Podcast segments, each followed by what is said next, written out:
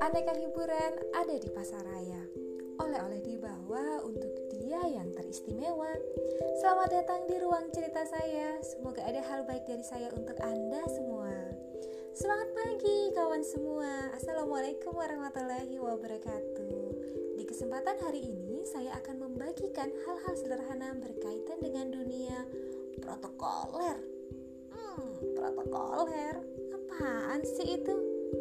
Sederhananya, protokoler adalah sebuah tatanan yang berisi aturan, hukum, dan perjanjian yang telah disepakati bersama. Aturan suatu instansi bisa jadi akan berbeda dengan instansi yang lain, tapi setidaknya secara umum akan diatur mengenai lima aspek. Tata upacara mengatur seputar acara. Tata ruang mengatur meja dan kursi, posisi orang penting. Tata tempat mencakup seputar tata penempatan orang-orang. Tata warkap mengatur persuratan dan undangan, dan yang terakhir, tata busana, mengatur jenis pakaian beserta atributnya. Bagaimana jika kita diundang menjadi tamu atau mendampingi tamu dalam sebuah acara dan undangan? Ada beberapa aturan sederhana yang bisa saya bagikan kepada Anda semuanya. Dalam mendampingi tamu, berpakaianlah sesuai dengan acara yang diikuti.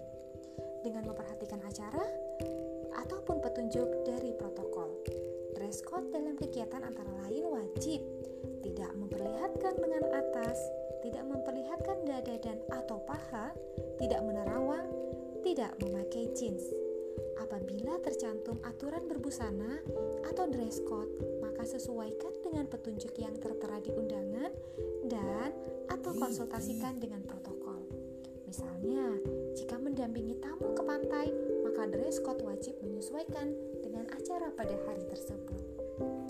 Ketika kita menjadi tamu undangan atau kita berada dalam sebuah lingkungan baru, bagaimana cara kita memperkenalkan diri? Yang pertama, ucapkan nama dengan jelas. Mulailah dengan menyebut nama dan nama suami, berikut posisinya untuk memudahkan teman baru kita mengidentifikasi kita. Bila memperkenalkan seseorang kepada orang lain, berikan informasi secukupnya tentang masing-masing orang itu untuk membantu mereka memulai percakapan. Bila kita diperkenalkan ke orang baru, sebaiknya berdirilah sebentar pada saat diperkenalkan dan bersalaman. Kita bisa segera duduk setelah rekan baru kita duduk.